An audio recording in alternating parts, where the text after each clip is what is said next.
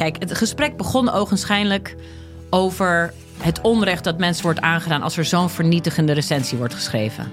En wat dat met mensen doet. Ja. Daar leek het gesprek over te gaan. Maar gaandeweg, en dat is dankzij goed redactiewerk van mijn eh, redacteur destijds, blijkt dat die test niet deugt. Via podimo.nl slash gonzo luister je de eerste 30 dagen gratis naar Podimo. podimo.nl slash gonzo. Ben jij van plan om dit jaar te starten met beleggen? Of ben je er al mee bezig en zoek je een portie inspiratie? Wij zijn eh, Jasper en Twan, twee doodgewone maar compleet verschillende beleggers. En iedere donderdag vertellen wij in onze podcast de lange termijn over onze beleggingsreis, onze lessen en met name onze fouten. En dat allemaal op een eh, vermakelijke en een langdrempelige manier. Alsof je met ons in de kroeg staat. Met een whiskietje erbij. Lekker. Dus luister eens naar onze podcast De Lange Termijn.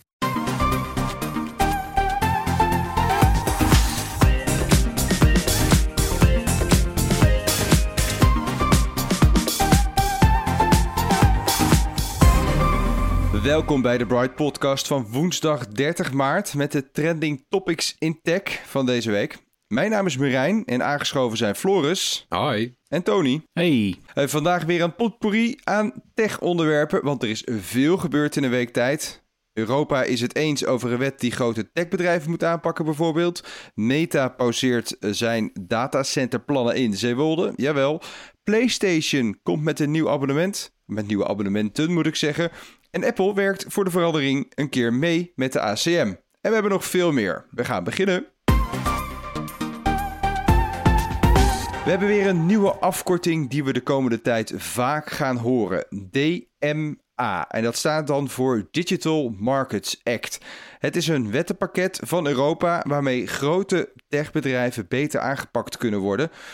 Hoe zit dat precies, Floris? Wat staat daarin? Straks is er gewoon één eh, eh, duidelijke lat waar techbedrijven en ook andere eh, bedrijven een beetje, ja, die op internet actief zijn, die kunnen langs die lat gelegd worden. En dat zijn dan duidelijke regels en als daar niet aan voldaan wordt, dan kunnen boetes opgelegd worden tot 10% van de jaaromzet van die bedrijven.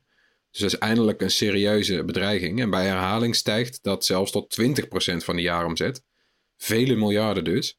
En de regels zijn van vooraf duidelijk. Dat is nu natuurlijk een probleem. Eh, je had nu altijd, eh, eh, ja, weet je, je had, je had de afgelopen tijd ook wel zaken van Europa tegen bijvoorbeeld Google. Jaren onderzoek. Dan wordt er een boete opgelegd vanwege een specifiek, weet je wel, dan gaan ze dat ook weer, want je moet altijd de boel langs de wet houden. Nou ja, het, zijn oude wetten van voor internet of van het begin van internet, dus dat is allemaal niet hard te maken, wettelijk. Eh, dus dan wordt er bijvoorbeeld een, een, een megaboete opgelegd. En dan het is ook nog wel gebeurd laatst dat dan de rechter zei: ja, ho is. eh, dat hoeft Google gewoon niet te betalen. Die eh, anderhalve miljard bijvoorbeeld. Want het is gewoon, wat mij betreft, niet hard genoeg. Dus nu komen er duidelijke regels die gemaakt zijn in de moderne tijd. Die slaan op die grote bedrijven die alsmaar doorgroeien. En ja, dat maakt het veel duidelijker voor Europa wat, wat de regels zijn. Ze kunnen Big Tech echt gaan aanpakken dus straks. Nou, wat die, wat die Ja. regels zijn, daar hebben we het zo even over. Eerst even duidelijk maken, Tony. Voor wie gelden die regels straks? Precies. Wie, zijn, Ja, wie is Big Tech? Er zijn nogal wat technologiebedrijven. Dat is nogal een heel groot breed eh, begrip. Eh, ja, dit pakket aan wetten geldt voor de zogenoemde poortwachters. En ja, daaronder verstaat eh, de EU bedrijven die zo groot zijn dat ze de markt kunnen beïnvloeden. Of al beïnvloeden op een negatieve manier natuurlijk. En dat zijn sowieso de grote vijf waar we het vaak over hebben: Amazon, Apple, Google, Meta en Microsoft. Ja. Natuurlijk zijn dat allemaal poortwachters, maar er vallen bijvoorbeeld ook eh, Booking.com onder en eh, Zalando. Eh, en al die bedrijven, ja, die konden eigenlijk de afgelopen jaren onbekommerd, onbekommerd groeien ten koste van allemaal kleinere concurrenten. ehm, die niet zoveel geld hebben. En ehm, ja, de vraag is dan ook, wie vallen er nog meer onder die poortwachters? Want dit zijn grote namen, dat is logisch. Ja. Maar er zijn ook echt eh, eh, ja, criteria opgesteld. Ehm, en daar, daar valt bijvoorbeeld onder dat je als eh, techbedrijf een jaaromzet moet hebben van tenminste 7,5 miljard euro in de EU. Nou, daar ben je al best groot. Ja. beurswaardering van tenminste 75 miljard, dat is ook best wel veel. Eh, En eh, 45 eh, miljoen maandelijks actieve gebruikers moet je minimaal hebben. En die 45 miljoen, dat is dus eh 10% ongeveer 10% van de bevolking in de Europese Unie. Dus ja, dit zijn wel echt voor de grote, grote diensten.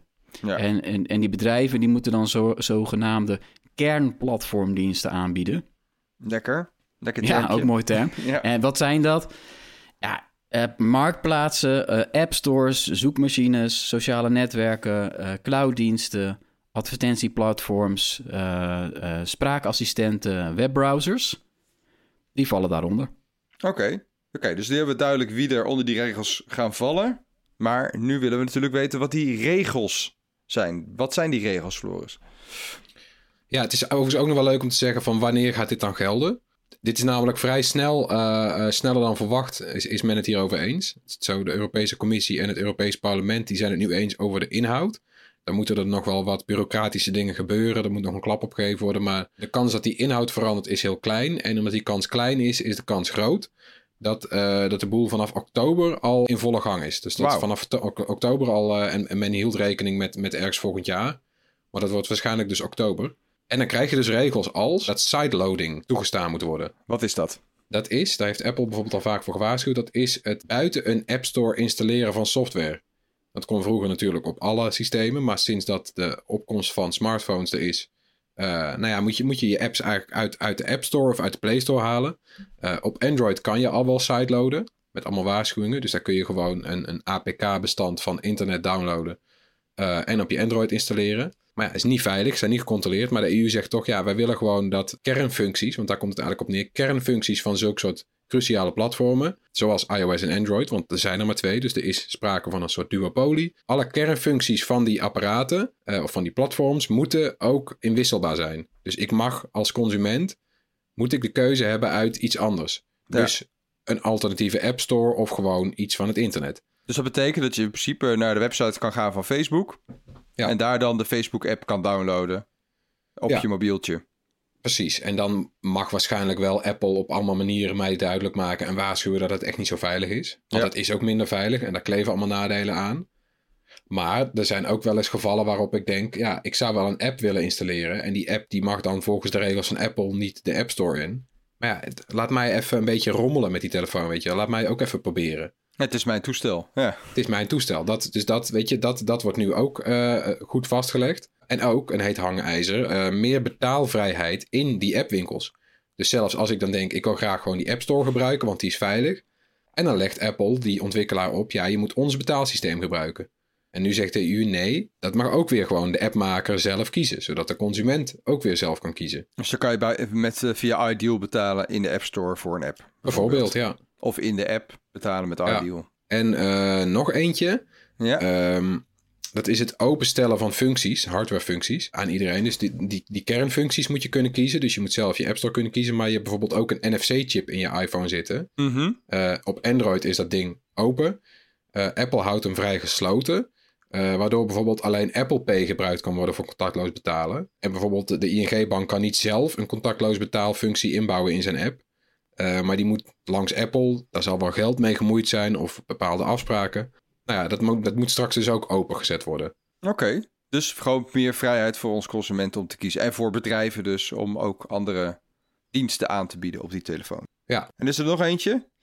Ja, dat is het meest opvallende. Ik moet hem Ja. even goed lezen dat ik het goed uitspreek. Interoperabiliteit. Kijk. Oh ja, dat is echt ja. een eh, tongbreker, hè? Ja. Zoals ze dat noemen. Zo, interoperabiliteit. het is me ook gelukt. Is er ook een gewoon woord voor, of niet? Ja, het komt een beetje neer, het laatste vertaal als uitwisselbaarheid. Dus de regel Ah, ja. verplicht. Ik weet niet precies of dit ook nog op andere dingen slaat, maar het, het meest duidelijke voorbeeld van die interoperabiliteit is de verplichting voor eh berichten-apps, chat-apps om eh, samen te werken. En dat gaat dan, die, die eis is er dus ook weer alleen voor die poortwachters. Dus bijvoorbeeld WhatsApp van eh, Facebook, Meta en eh, iMessage van Apple bijvoorbeeld. Dat zijn hele grote apps. Die moeten straks samenwerken. Oké.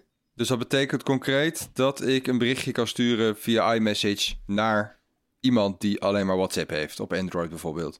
Bijvoorbeeld, ja. En dat is wel interessant natuurlijk. Het is voor consumenten ook wel fijn. Want dan hoef jij niet meer. Nou ja, dan, dan, dan hoef jij niet meer te- te, te kiezen voor een app die je eigenlijk niet fijn vindt. Maar daar zitten ook nog wel een hoop haken en ogen aan. Want die apps die ik noem, die, ze hebben allebei encryptie. En encryptie is voor consumenten ook heel goed. Dat betekent Ja. namelijk dat eh, alleen ik en jij eh, de berichten kunnen lezen. Alleen de zender en de ontvanger. En zelfs als jij de boel onderschept, dan heb jij de sleuteltjes niet. Dus dan kun je ze niet openmaken. Maar hoe, hoe pak ik een, een, een bericht in en komt dat bij jou terwijl je op een andere app zit? Het is ook niet, het is niet zomaar te regelen. Ja, er moet Eh, echt een protocol worden gemaakt dan. Toch? Ja, en heel mij. veel experts zeggen dat is echt niet, weet je, van de een op de andere dag even te, te fixen. Niet voor Eh, oktober, nee, denk ik ook. Nee, dit is gewoon ingewikkeld. Er moet dan waarschijnlijk één standaard encryptieprotocol worden aangewezen door de EU of zo. Of er moet worden gezegd, nou ja, die, die bedrijven moeten het onderling aftikken. Ja, weet je, het, het- het- technisch gezien op een bepaalde manier kan je natuurlijk wel afspreken, wij gebruiken dit. Ja, Maar ja, tot nu toe hebben die bedrijven eh, zelf geïnvesteerd in hun eigen eh, systemen. Omdat ze wisten, hiermee binden wij klanten aan ons. Ja, en dat lijkt me ook ingewikkeld trouwens. Want als ik dan bijvoorbeeld iMessage... Stel dat ik iMessage gebruik, of WhatsApp. Laat ik laten zeggen WhatsApp. En dan wil ik mijn moeder een berichtje sturen. Maar die heeft en Messenger en iMessage en eh, nog iets eh, op de telefoon staan. Dan moet Ja. ik dus bij een berichtje aangeven... naar welke app van haar ik dat dan wil sturen. Of zo. Ja, Of niet? Nou, zij, zij verwijzen dan naar. Je hebt nu bijvoorbeeld ook al. eh, want het gebeurt al een beetje. Je hebt die keuze een beetje met bijvoorbeeld videobellen. Dus als je op je iPhone eh, eh, wil videobellen naar iemand. Je hebt zo'n videobelknopje. Ja. Bij contacten bijvoorbeeld. En als je daarop drukt, dan staat er vaak al eh, FaceTime of WhatsApp. Zoiets zal het worden, kennelijk. Heb ik me laten vertellen door een, een, een beleidsmaker van Paul Tang. Mhm. Het is een Europarlementariër die zich hiervoor heeft ingezet. Maar ja, er is ook nog. Er, is, er is veel. er is nog een beetje ruimte. Er is, er is veel lucht. Of dat, ja, er is veel in te, te interpreteren.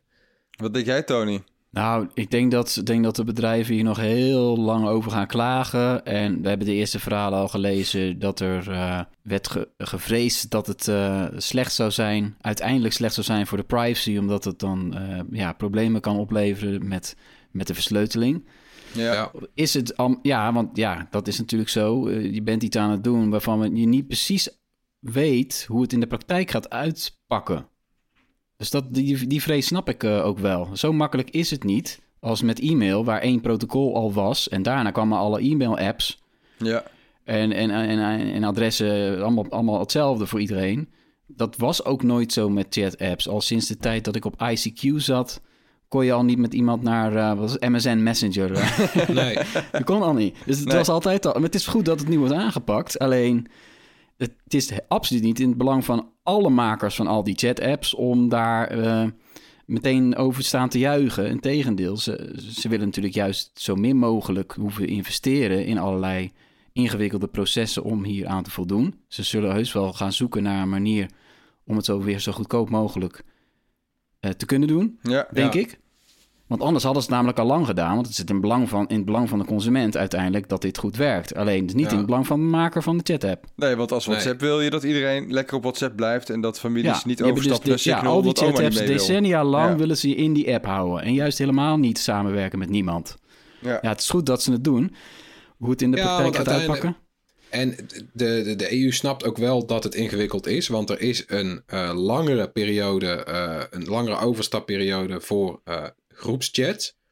Want dat is helemaal ingewikkeld. Stel je voor dat je in een groep zit waarbij eh, de ene gebruikt WhatsApp, de andere gebruikt Signal.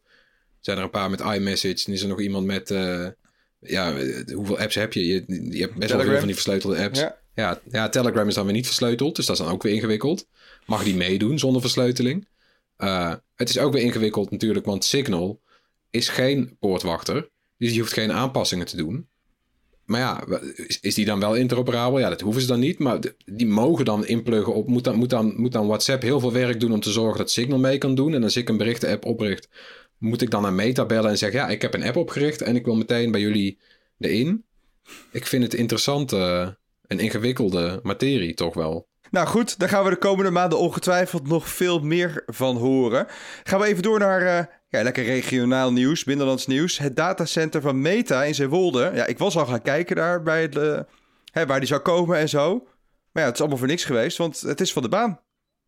Ja, Toch? ja, voorlo ja voorlopig Oh, eh, oké. moet, moet daarbij gezegd worden. Heeft Meta zelf gezegd dat ze ontwikkeling van het datacenter gaan pauzeren.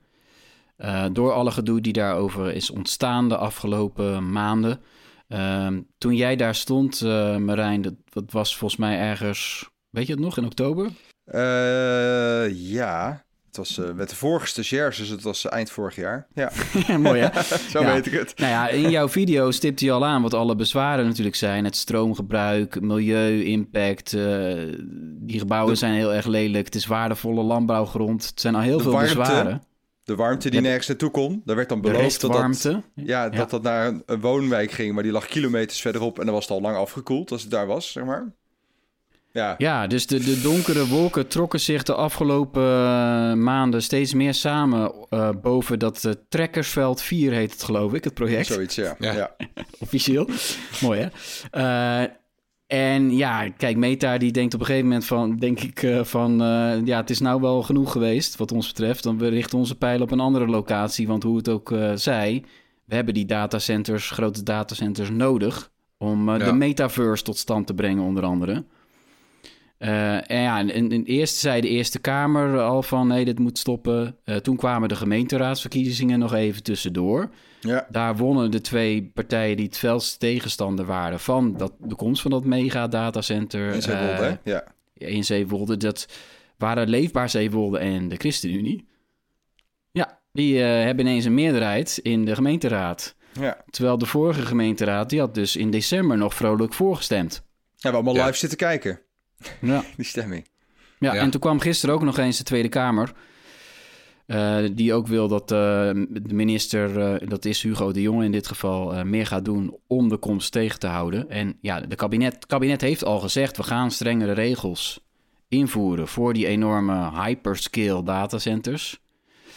Alleen ja, doordat die ge- gemeenteraad in Zeewolde dus het goedkeurde, leek het Ja. dat dat niet meer kon gelden. En dat dit er toch nog zou kunnen komen. Alleen ja, als je nu, eh, als ik nu in, in de schoenen van Meta ga staan, er is zoveel gedoe over. Dit gaat ook nog zo lang duren. Ja, ik snap het wel. graag of niet, toch? Ja, ik denk dat ze wel een andere locatie ergens kunnen vinden in een ander land in Europa, waar ze dan wel weer heel veel eh, geld krijgen van de overheid om daar te gaan vestigen. Ja, dus de Meta komt niet naar Nederland, want wij hebben toch dat, eh, dat die internet exchange. Toch? Dat, is- dat is belangrijk, toch? Ja, nou ja, de, de, de woordvoerder die ik had gesproken, die begon nog een zin over in Denemarken. In Odense hebben we ook een datacenter. Daar gaat alles goed. Ja. Hè, daar zijn ze blij met, met de investeringen en de extra banen. Ja, misschien kan er daar nog één bijgezet worden dan.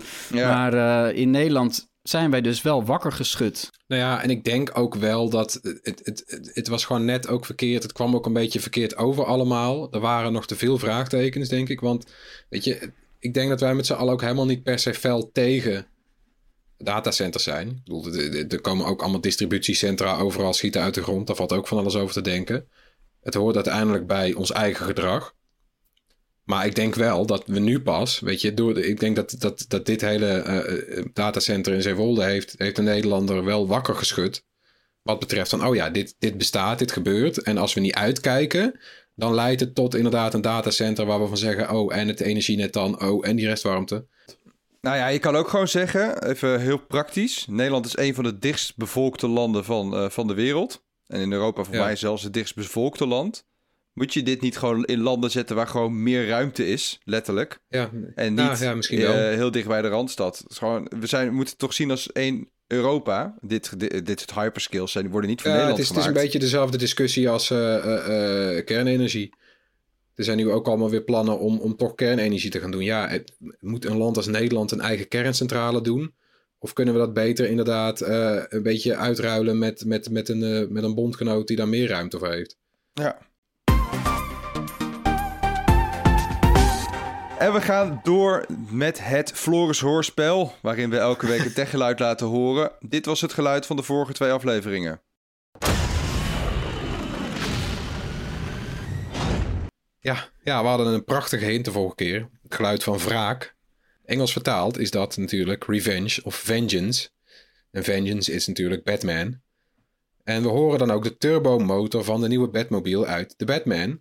En dat is Florian Ronsen, dus gefeliciteerd, ge- gefeliciteerd Florian. Die Bluetooth speaker komt jouw kant op. Wauw. En we hebben Ja. natuurlijk een nieuw geluid, Floris. Ja, komt die. Als je denkt te weten wat dit is, ja, het is een goeie, het is een, een moeilijke weer. Stuur dan je antwoord naar podcast.bright.nl. En onder de mensen die dit juiste antwoord insturen, Verloten we een t-shirt Floris deze keer weer? Of eh, weer een Bluetooth speaker? Ja. Een t-shirt. Nee, t-shirt. Ja, dan even over de games, want Sony heeft eindelijk zijn antwoord klaar op het Game Pass abonnement van Microsoft. Tenminste, Floris, Ja. dat is wat ze beloven. Ja, het is in ieder geval de dichtstbijzijnde wat ze hebben. Het komt erop neer, eh, er komen nieuwe PlayStation Plus abonnementen vanaf juni.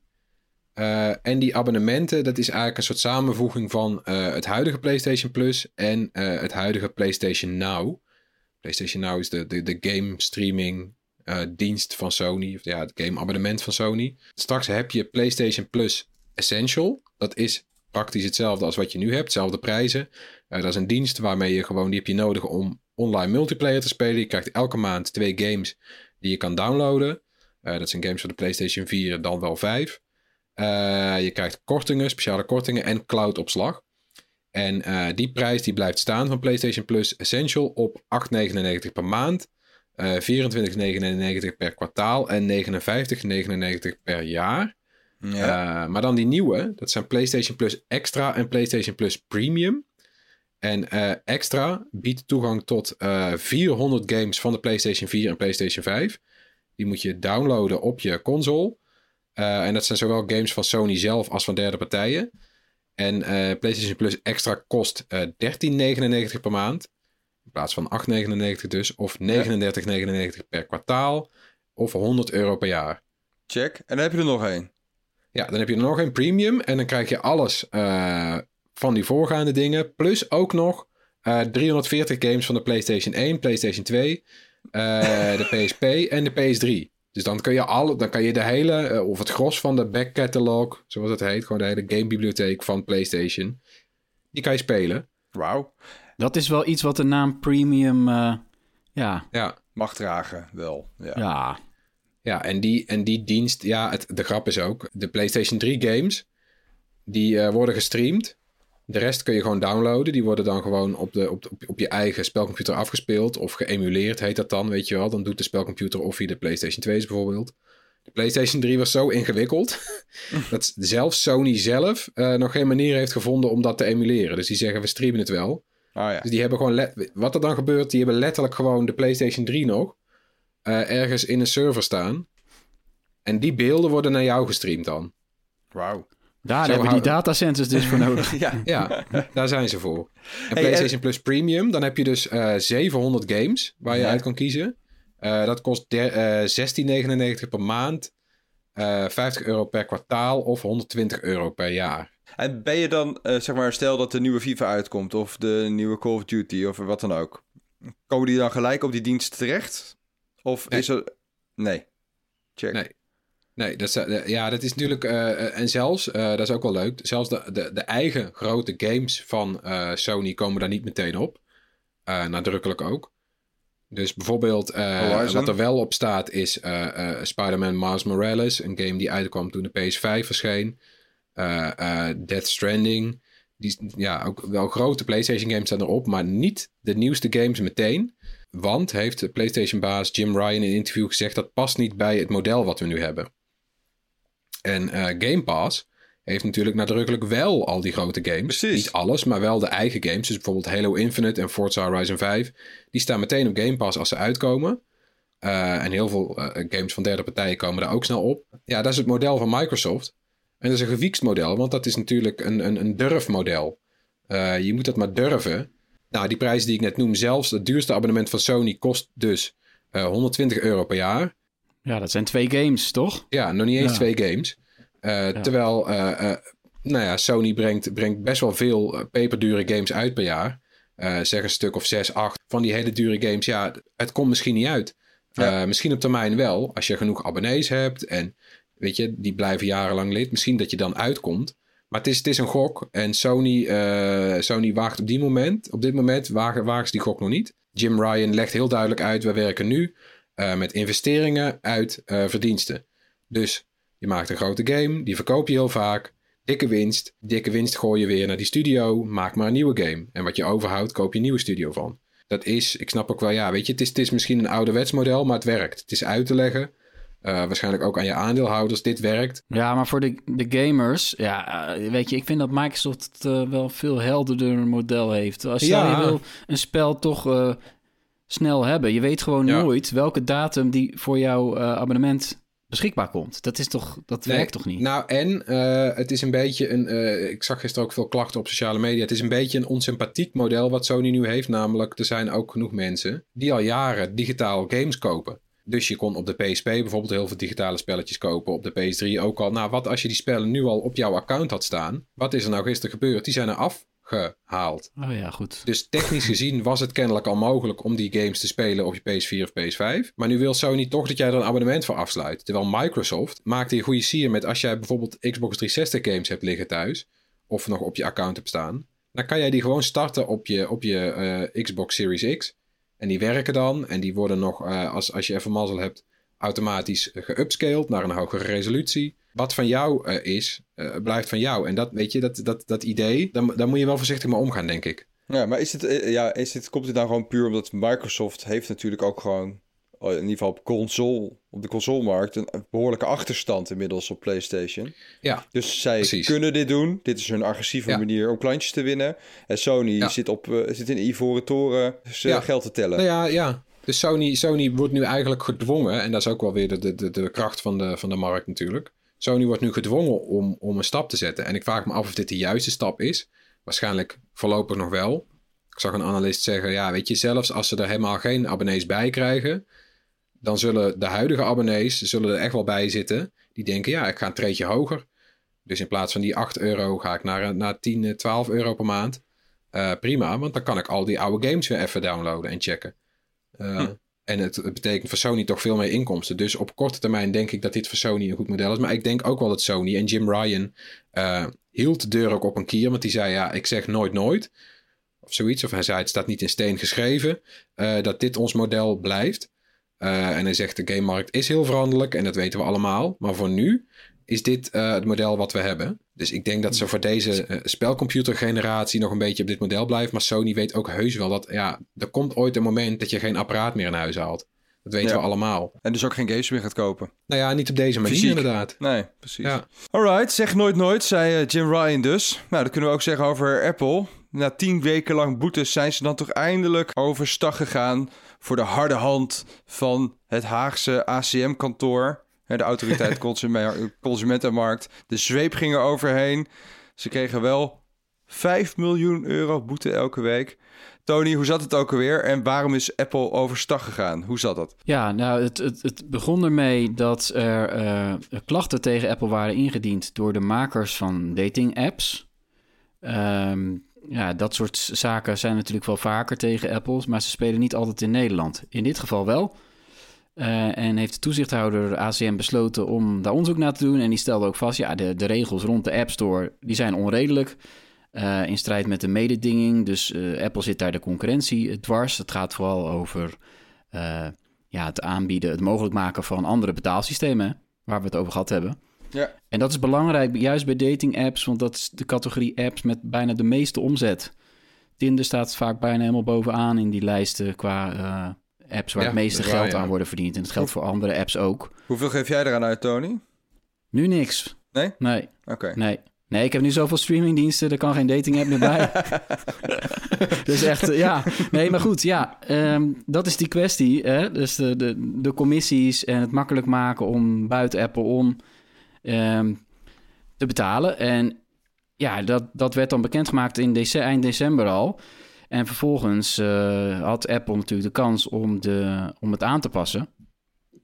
Eh, en als ze dat niet deden, kregen ze elke week dus 5 miljoen euro eh, dwangsom aan de broek.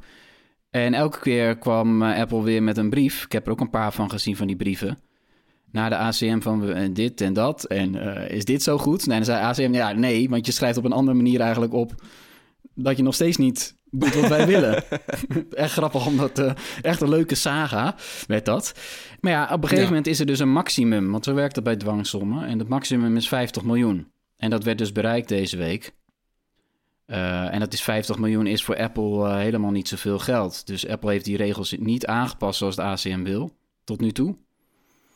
En moet dan 50 miljoen betalen. Volgens mij weet Floris uit zijn hoofd hoeveel dat is op de hoeveel procent dat voor Apple's eh, omzet is. Hè? Ja, ik heb dus gekeken hoeveel heeft Apple vorig jaar omzet gedraaid. En dat was eh 365 miljard dollar. Hallo. 365 miljard dollar. En eh, eh, als je daar 50 miljoen eh, van neemt, dan is dat eh 0,013 procent. Ja. Eh, 0,01.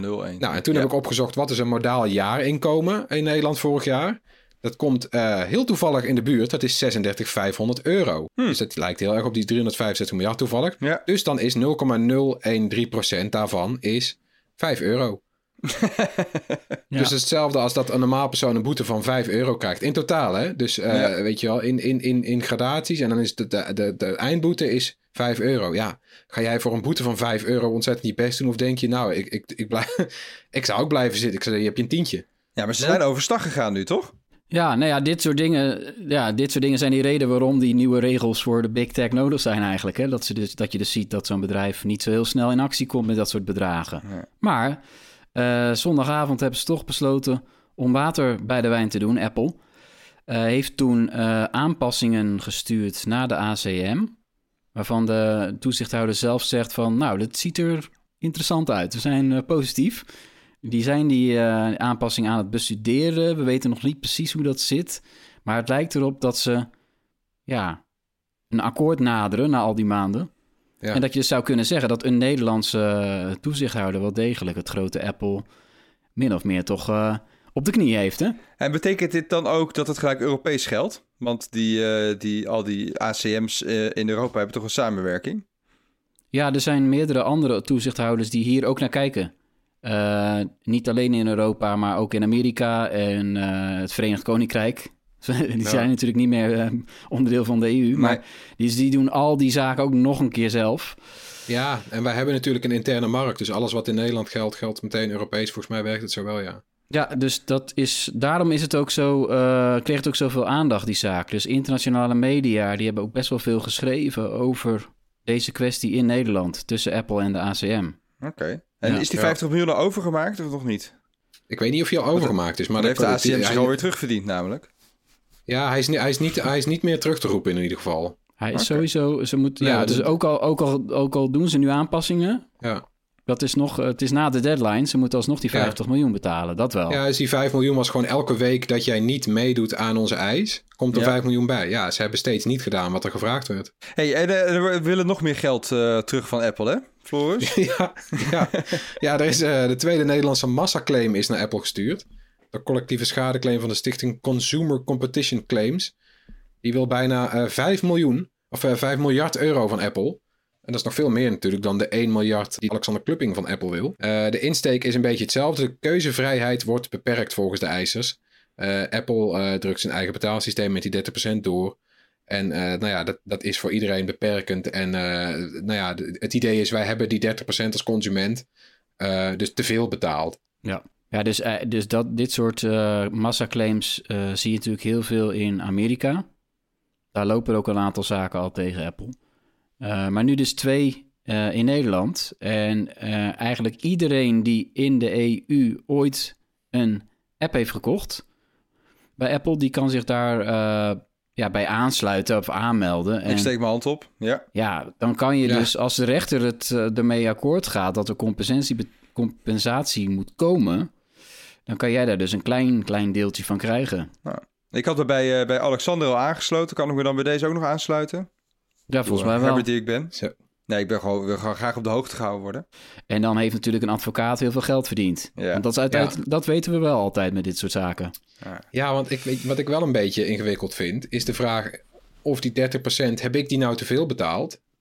Want de meeste prijzen in die apps waren hetzelfde als gewoon als ik bij de, eh, eh, eh, weet je wel, als ik het gewoon via de aanbieder had afgesloten. Ja, de, nee, de Meestal, redenering is dan dat de appmaker, die, heeft, die had die app goedkoper kunnen aanbieden als dit niet zo zou werken zoals Apple het laat werken. Ja, maar dat hebben ze helemaal niet gedaan. Dus Nee, maar dat, dat, dat, dat moeten ze dan proberen hard te maken voor de rechter. Nee, maar dat- dat- dat dat die prijzen ja. dus onredelijk hoog zijn geworden daardoor. Ja, precies. Maar dat, dat is wel een moeilijk punt om te doen. Want er waren wel apps, bijvoorbeeld Spotify heeft een tijdje eh, die 30% gewoon doorberekend aan de klant. Dus dan was als jij Spotify, vroeger Ja. kon je nog Spotify afsluiten via, via de app. Ja. Dat was dan 30% duurder dan via de site. Nu kan je het alleen nog via de site doen, omdat Spotify dat beu was. Want als ze het voor dezelfde prijs deden, dan eh, zou het uit hun eigen zak gaan. Maar de, degene die het meest ze. dupe is van Apple, zijn die appmakers zelf, toch? Want als die al meedoen, dan is het vaak uit eigen zak. Want als je doorbreekt aan de klant, dan denkt de klant ook, ja, wacht even. Ik weet gewoon dat Spotify 10 euro is. Hoezo zou ik nu ineens 14 gaan betalen? Eh, nou, dat idee een beetje. Dus ik vraag me er nog wel af of de rechter vindt dat dit inderdaad meteen door te berekenen is aan de klant. Ik vind dat wel een Ja, dat is interessante absoluut nog, nog maar de vraag hoor. Dat, Ja, eh, ja. dat zou zomaar niet kunnen gebeuren. Hey, en hebben we heel deze aflevering hebben we Big Tech een beetje eh, op de knieën proberen te krijgen. Hè? Met de DMA en de ACM en, eh, en, de, en de schadeclaims. Is er nog iets positiefs te zeggen over deze partijen? Want voeg ze ook nog iets toe aan de wereld? Ja, films. Eh, de, de, grote winnaars bij de Oscars eigenlijk, hè? Zijn, eh, als je het bekijkt, ja, weet je, we, we weten sowieso, ja, Oscars natuurlijk een beetje overschaduwd door die klap. Maar laten we het gezellig houden, want eh, Apple eh, is de eerste streamer die de Oscar, de, de, de, ja, de, de, de- het kroonjuweel van de Oscars heeft gewonnen. Die voor beste film, die is gegaan naar Coda. Een film over, een, over een, een horend meisje in een verder doof gezin. En het horend meisje kan prachtig zingen. Op zichzelf al een tragische opzet. Het is een remake ook trouwens van een Frans-Belgische film. Eh, maar Coda heeft dus gewonnen. Ook voor het beste eh, bewerkte scenario en beste mannelijke bijrol. Is een streamingfilm. Disney heeft ook een aantal prijzen gewonnen. Ik heb ook een lijstje gemaakt. Die zitten in de show notes. Met alle films die hebben gewonnen. Die nu al te streamen zijn. Want dat is namelijk de trend. Dat zijn, dat zijn ze bijna allemaal. Alle grote winnaars zijn al te streamen. Eh, bijvoorbeeld beste regie is The Power of the Dog. Die staat op Netflix. Disney Plus heeft eh, Nightmare Alley en West Side Story. Die waren allebei genomineerd voor beste eh, film. En er zit ook een winnares eh, voor West Side Story. Heeft de beste vrouwelijke bijrol. Disney Plus heeft The Eyes of Tammy Faye. Beste vrouwelijke hoofdrol. Disney Plus heeft ook nog Encanto. beste animatie. De beste documentaire Summer of Soul. Bruno, no, Ja, no, nou precies. Ja. En zo gaat het maar door. Ja. Dus er is heel veel te streamen. En de film die de meeste Oscars in de wacht heeft gesleept is Dune. Bijvoorbeeld voor beste muziek, beste, eh, eh, beste eh, visual effects, beste cameravoering. En Dune staat op HBO Max. Dus heel veel genomineerde slash winnaars zijn al te streamen. Dus dat is Ja. op zich Ja. positief voor die, voor, voor die streamingsdiensten. Wel een beetje slecht nieuws voor de filmindustrie. De Oscars is natuurlijk het feestje van de filmindustrie. Maar het lijkt wel een soort van eigen begrafenis of zo. Want ze, ze, Ah. ze dragen al die, al die filmprijzen. Film is toch uiteindelijk iets in de bioscoop. eh, dragen ze nu naar die streamingdiensten. Dus het is een beetje een dubbel gevoel hou ik er. Ja, de wie, wie het meeste budget en begroting heeft eh, voor de, om films te laten maken. Ik denk dat, die, eh, dat het ook nog wel meespeelt. Want dat zijn de streamingdiensten geworden natuurlijk. Ja. Ja. Ik las in de nieuwsbrief van de New York Times over tech. eh las ik ook dat ja, wat als Apple erachter komt dat het ze niks oplevert. Of Amazon, weet je wel. Dat investeren in die streamingdiensten. Het is niet hun core business, zeg maar. Ze doen het erbij omdat het leuk is. En als klantenbindertje. Ja, wat dan? Wat gebeurt Ja, er dan met die eh, filmindustrie daarna? Ze maken Ja, zich ook wel dat heel erg eng. afhankelijk van, eh, van big tech weer. Nee, het, totaalbedrag van investeringen dit jaar door streamingdiensten in eigen series en films. Weten jullie het uit je hoofd? Nee, natuurlijk niet. Nee. Tony, kom maar. Oké. en daar zitten nog een hoop streamingdiensten niet bij. Dat waren de grote vijf of zes in Amerika. 101 miljard euro. Ja, jezus. Ja, dat is Was wel het? eng, hè? Ja. Nou, ik was al blij dat we... Ik, want ik heb meteen, toen ik hoorde dat Coda de Oscar had gewonnen... gekeken van, hebben we die überhaupt wel als tip in de podcast gehad? En? Of hebben we Ja. gemist? En jawel, op 24 februari. Gelukkig Ah. maar. Phew. En over streamingdiensten ge- gesproken. eh, ja, het is jammer dat ze in Europa niet hebben geregeld dat er interoperabiliteit komt tussen de streamingdiensten. Dat je niet meer hoeft af te vragen hoe je iets kan kijken. Oh ja. Zo, graag. Hey, en dan hebben we natuurlijk zoals elke week fijne tips voor je. Eh, veel streaming tips zie ik staan hier in het, eh, in het draaiboek. Alle links zetten we natuurlijk in de show notes. En die vind je onder meer op bright.nl. Ik begin even lekker zelf. Omdat ik bovenaan in het script sta, dus vandaar. Eh, mijn tip is Euphoria van HBO Max, een serie. Eh 2019 verscheen het eerste seizoen. Inmiddels ben ik bij seizoen 2. Maar het is echt een serie die je niet wil missen. Echt te gek. Het gaat over een, eh, een groep eh, high school tieners, studenten. eh, die natuurlijk aan het opgroeien zijn en aan het puberen en adolescentie bijna bereiken. En daarbij gebruiken ze natuurlijk veel drugs. hebben ze regelmatig seks en slaan ze elkaar ook in elkaar. Nou ja, klinkt als een mooie saus voor een serie, maar hij is echt heel goed in beeld gebracht.